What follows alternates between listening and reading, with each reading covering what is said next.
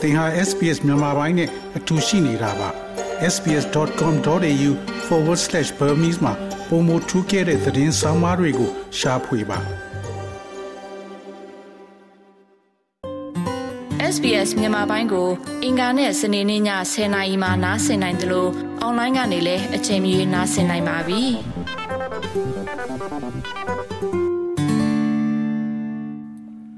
တော်ရရှိမြခင်ဗျာ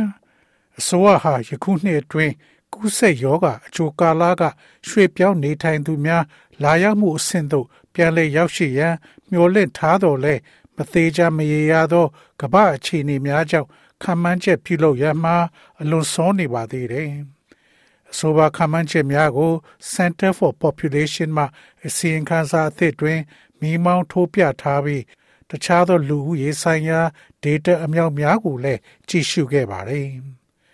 Center for Population မှအစီရင်ခံစာအသစ်တစ်ခုသည်ယခုနှစ်တွင်ပြတ်မြတ်အားဖြင့်တစ်နှစ်လျှင်လူ2သိန်း3500ခန့်ရွှေပြောင်းနေထိုင်မှုပြုလုပ်မှဖြစ်ပြီးအရေးအတွက်အပြေးအဝပြန်လည်ကောင်းမွန်လာမယ်လို့လည်းခန့်မှန်းထားပါတယ်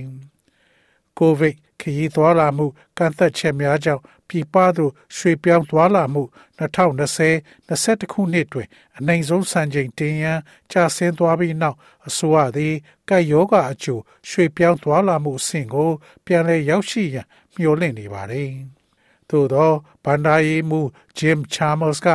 ABC Radio ကိုပြောဆိုအားမှာရွှေ့ပြောင်းနေထိုင်ခြင်းသည် Australia ရဲ့အနာဂတ်အောင်မြင်မှုကိုအထောက်အကူဖြစ်စေမဲ့အချက်တစ်ချက်မျှသာဖြစ်တယ်လို့ပြောဆိုပါတယ်။ I mean, migration has been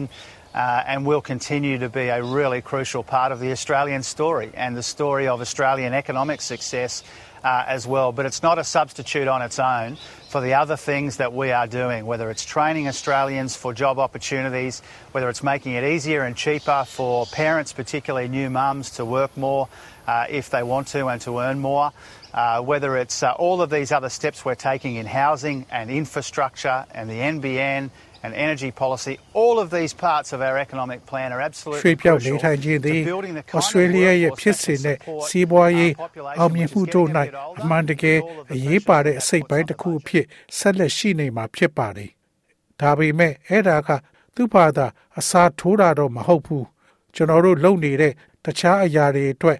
အလုပ်အကန့်အခွင့်အလမ်းအတွက် Australian တွေကိုသင်တန်းပေးတာပဲဖြစ်ဖြစ်မိဘတွေအတွက်ပိုလွယ်ကူပြီး ဈေးသက်သာတာပဲဖြစ်ဖြစ်အထူးသဖြင့်မိခင်အသက်များသည့်အလုပ်ပိုလုပ်လိုပါကဝင်ငွေပိုရချင်လိုပါက ဖြစ်နိုင်အောင် လုပ်ပေးရမှာဖြစ်ပါတယ်။အိယာနဲ့အခြေခံအဆောက်အုံနဲ့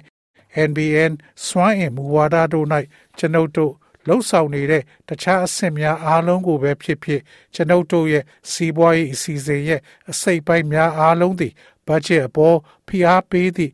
ဖိအားများအားလုံးနဲ့အထူးအသက်နည်းနည်းပိုကြီးလာသောလူဦးရေကို ထောက်ပံ့ပေးနိုင်တဲ့လုံသားအင်အားကိုတိဆောက်ရန်အတွက်လုံးဝအရေးကြီးပါတယ်။ COVID-19 ကရောဂါသည်ဩစတြေးလျရဲ့ဆယ်နှစ်အတွင်းလူဦးရေခန့်မှန်းချက်မှလူတစ်သန်းကျော်ပျောက်သွားစေခဲ့ပြီးဩစတြေးလျသည်ဒုတိယကမ္ဘာစစ်နောက်ပိုင်းပထမဆုံးအသက်တည်းရွှေ့ပြောင်းနေထိုင်မှုကြာဆင်းမှုကြောင့်လူ8500ဆုံးရှုံးခဲ့ပါတယ်။ ပြန်လည်ကောင်းမွန်လာနိုင်တဲ့လက္ခဏာများရှိနေတော့လဲကပ်ယောဂါသည်2025-26ခုနှစ်တွင်ဩစတြေးလျနိုင်ငံသို့ရွှေ့ပြောင်းနေထိုင်သူ၄သိန်း9300ဆက်လက်ဆုံးရှုံးမယ်လို့မျှော်လင့်နေပါတယ်။ကပ်ယောဂါသည်လက်ရှိလှုပ်သားနှင့်ကျွမ်းကျင်လှုပ်သားပြက်လက်မှုကိုပုံမဆိုးဝါးစေပါတယ်။ စီဝါပညာရှင် Chris Richardson က Australia သည်ကမ္ဘာစီးပွားရေးတွင် အပြိုင်ဆိုင်ဆက်လက်ရှိလိုနေပါကကျွမ်းကျင်သောရွှေ့ပြောင်းနေထိုင်သူများကိုမိကဲ့သို့ဆွဲဆောင်မည်ကိုပြန်လည်စဉ်းစားရလိုအပ်တယ်လို့ပြောဆိုပါတယ်။ Again, Australia's migration system has been much more successful than you're seeing in many other parts around the world, um, but it could be better than it is. We've relied on lists of, of skilled uh, occupations in demand, uh, and that's a pretty bureaucratic and not terribly accurate way of doing it. Uh, there may be some better ways we can do it, even just Australia as ရဲ့ simple as ရွှေ့ပြောင်းနေထိုင် what မှုစနစ် wages are သည် being က offered. မ္ဘာတဝန်းရှိတခြားအစိတ်ပိုင်းများစွာကိုသင်မြင်တွေ့ရတဲ့အခါပုံမအောင်မြင်ခဲ့ပါတယ်။တ ဒါပေမဲ့အဲ့ဒါထက်ပိုကောင်းအောင်လုပ်နိုင်ပါတယ် ဝယ်လိုအားအတွက်ကျွမ်းကျင်သောအလုပ်ကိုင်စည်းများကို ကျွန်ုပ်တို့အားကိုးထားပါတယ်အဲ့ဒါကတော်တော် bureaucracy ဖြစ်ပြီးအဲ့ဒါကိုလုတ်ပုတ်လုံနည်းကအလွန်တိကျမှုမရှိပါဘူးပုံမကောင်းမွန်လာသောနီလန်တချို့ကို ကျွန်ုပ်တို့ပြုလုပ်နိုင်ပါတယ်။ဩစတြေးလျကို လာတဲ့လူတွေကိုလာစာဘလောက်ပေးမယ်ဆိုတာမျိုးကို ကြည်ထားတော့ရိုးရိုးရှင်းရှင်းတင်ပြလို့ရပါတယ်။ကျွမ်းကျင်သောဩစတြေးလျလူသားများနှင့် ကျွမ်းကျင်ရွှေပြောင်းလူသားများခေါ်ယူခြင်းသည်ဩစတြေးလျရဲ့လူသားအင်အားမပြေလည်မှုများကိုဖြေရှင်းရန်အဓိကအချက်ဖြစ်ကြောင်းလက်ထောက်တိုက်ခံခေါင်းဆောင်စူဇန်လေးကပြောဆိုပါတယ်။လှုပ်သားရှားပါမှုပြဿနာသည်ကျေးလက်ဒေသနှင့်ဒေသဆိုင်ရာပြည်သူများကိုဆွဲဆောင်နိုင်တဲ့မူဝါဒများကိုသေချာစွာစီစစ်ရေးဆွဲရန်လိုအပ်တယ်လို့သူမကပြောဆိုပါတယ်။ ဒါပေမဲ့အစိုးရကမူဝါဒအပြင်ဆင်တွေကိုမှန်ကန်လုပ်ဖို့ပြက်ကွက်ခဲ့တယ်လို့သူမကပြောဆိုပါတယ်။ Labor promised to skill Australians first and then look to increased skilled migration. But since coming to government, they haven't done enough on either. Any increases in skilled migration have to be Labor က targeted ဩစတြေးလျ and နိုင်ငံသားတွေကိုအရင်ကျွမ်းကျင်အောင်လုပ်ဖို့ကတိပြုထားပြီး ကျွမ်းကျင်တဲ့ရွှေပြောင်းအခြေချမှုကို တိုးမြင့်ဖို့ပဲကြိုးပမ်းနေပါတယ်။ဒါပေမဲ့အစိုးရတက်လာပြီးကတည်းကသူတို့ဘက်ကလုံလောက်အောင် မလုပ်နိုင်သေးပါဘူး။ကျွမ်းကျင်မှုရွှေပြောင်းမှုတိုးလာမှုတိုင်းကို ပြစ်မှတ်ထားပြီးရေရှည်တည်တတ်ရန်လိုအပ်ပါတယ်။ Australia သည် အသက်ကြီးလာသည်နှင့်မျှပြတ်မြတ်အသက်အရွယ်သည်ဆယ်စုနှစ်တစ်ခုအတွင်း38.4နှစ်မှ40ကျော်အထိကြီးထွားလာမယ်လို့အစီရင်ခံစာမှာဖော်ပြထားပါတယ်။လူတွေအသက်ပိုရှည်လာတာနဲ့အမျှကျန်းမာရေးစောင့်ရှောက်မှုနဲ့တခြားအစိုးရဝန်ဆောင်မှုတွေပုံမလိုအပ်လာမှဖြစ်ပြီးစီးပွားရေးကိုဝန်ပိစေပြီးဘတ်ဂျက်ကိုဟန်ကျင့်ညီဖို့ခက်ခဲစေမှာဖြစ်ပါတယ်။ ကယောဂါသည်တက်ကြီးလှုပ်သားများကြာဆင်းမှုအပေါ်လဲဖိအားများပေးလာပါတယ်။ Mr. Richardson ကဒါဟာအဖြစ်သဘောဆောင်တာမဟုတ်ဘူးလို့ပြောဆိုပါတယ်။ So, although we didn't get workers over the borders, we did get, for example, more older Australians working for longer. Uh, that lift in retirement uh, ages, well, you know, basically from people wanting to work for longer is a good thing. Uh, it's something we've been looking for for a long period of time. Uh, in many other places around the world, uh, people work for longer. And in an aging ဒါကြောင့်နေ Australia, ဆမ်းမှာဝ one င် of လာ the တဲ့ ways လုံ you သမားတွေ deal with မရှိခဲ့ပေမဲ့ uh, those ဥပ challenges မာအဖြစ် is to have ပိုအသက်ကြီးတဲ့ older ဩ workers စတြေးလျ working နိုင်ငံသားတွေပိုချာချာအလုပ်လုပ်လို့ရပါတယ်အငိမ့်စားယူတဲ့အရွယ်မှာအခြေခံအားဖြင့်ချာချာအလုပ်လုပ်ချင်သူတွေကနေမြင့်တင်ပေးတာက ကောင်းတဲ့အရာတစ်ခုဖြစ်ပါတယ် အဲ့ဒါဟာကျွန်တော်တို့အချိန်တော်ကြာရှာဖွေနေခဲ့တဲ့အရာတစ်ခုပါကဘာတဝမ်းကတခြားနေရာတော်များများမှာလူတွေကအလုတ်ပိုချာချာလုပ်နေကြပါတယ်အသက်အရွယ်ကြီးရင်သောဩစတြေးလျနိုင်ငံတွင်အဆိုပါစိန်ခေါ်မှုများကို သင်ကိုင်းတွယ်ဖြည့်ရှင်းတဲ့နီလန်တစ်ခုမှာအလုတ်သမားများအားလုံးကို အချိန်ကြာကြာအလုတ်လုပ်စေခြင်းဖြစ်ပါတယ်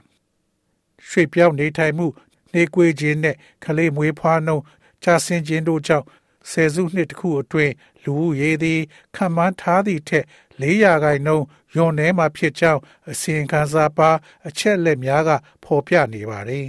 ။ COVID-19 သည်မွေးဖွားနှုန်းပေါ်တည်သာထင်ရှားသောသက်ရောက်မှုမရှိတော့လဲ၎င်းသည်2020 22ခုနှစ်အတွင်းတချို့သောတရေတီခြင်းများကို ထိခိုက်စေနိုင်ပါတယ်။လွန်ခဲ့တဲ့နှစ်60အတွင်း မွေးဖွားနှုန်းသည်တဖြည်းဖြည်းကျဆင်းလာခဲ့ပြီးယင်းလန်းချောင်းသည်ဆက်လက်ရှိနေအောင်မယ်လို့မျှော်လင့်ကြောင်း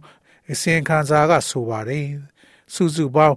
ကလေးမွေးဖွားနှုန်းသည်2021 22ခုနှစ်တွင် အမျိုးသမီးတူဦးလျင်ကလေး1.66ရောက်မှ2030 31ခုနှစ်အတွင်း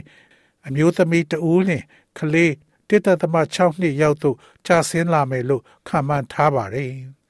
Angela Knox သည် Sydney တက္ကသိုလ်မှအလုံးနဲ့အဖွဲ့အစည်းဆိုင်ရာလေးလာရေးတွဲဖက်ပေါမောက်ခဖြစ်ပါတယ်။ ကလေးထိန်ရရှိရေးမြစ်တင်ရန်အစိုးရရဲ့လှုပ်ရှားမှုများသည့်ကလေးမွေးဖွားနှုန်းအပေါ်သက်ရောက်မှုရှိနိုင်တယ်လို့သူမကပြောဆိုပါတယ်။ It will certainly be a, a very uh, beneficial response. Perhaps there are ways in which we, we can go further, but at the moment, uh, women who want to work more are finding it incredibly difficult to find sufficient affordable childcare provision. ဒါကအလိုကျိုးရှိသောတုံ့ပြန်မှုဖြစ်မှာသိကြပါတယ်။ကျမတို့ဒီထက်ပိုပြီးသွားနိုင်တဲ့နီလန်းတွေရှိကောင်းရှိမယ်။ဒါပေမဲ့လည်းယခုအချိန်မှာအလုတ်ပိုလှုပ်လို့သောအမျိုးသမီးများသည် လုံလောက်သောတတ်နိုင်သော ကလေးထိန်ပေးမှုကို ရှာဖွေရန်အလွန်ခက်ခဲနေပါတယ်။ဒါကအရေးကြီးတဲ့တုံ့ပြန်မှုဖြစ်ရန်ကလေးထိန်မှုကအမှန်တကယ်လိုအပ်သောအခန်းကဏ္ဍကနေပါဝင်ပါတယ်။တော်ရရှိမြခင် SPS သတင်းဌာနက Peggy Giacalominos နဲ့ Sarah Tommy Vascaro ရဲ့ဆောင်းပါးကိုဘာသာပြန်တင်ဆက်ပေးထားတာဖြစ်ပါတယ်ခင်ဗျာ sbs.com.au/bemis ကို home နေရာမှာထားပြီးတော့အမြဲတမ်းနှာစင်နိုင်ပါတယ်။နောက်ဆုံးရသတင်းတွေ၊ဆောင်းပါးတွေနဲ့စစ်တမ်းတွေမှာပါဝင်ပြီးတော့ဆက်သွယ်မှုလုပ်နိုင်ပါတယ်။ sbs.com.au/bemis ဖြစ်ပါတယ်ရှင်။။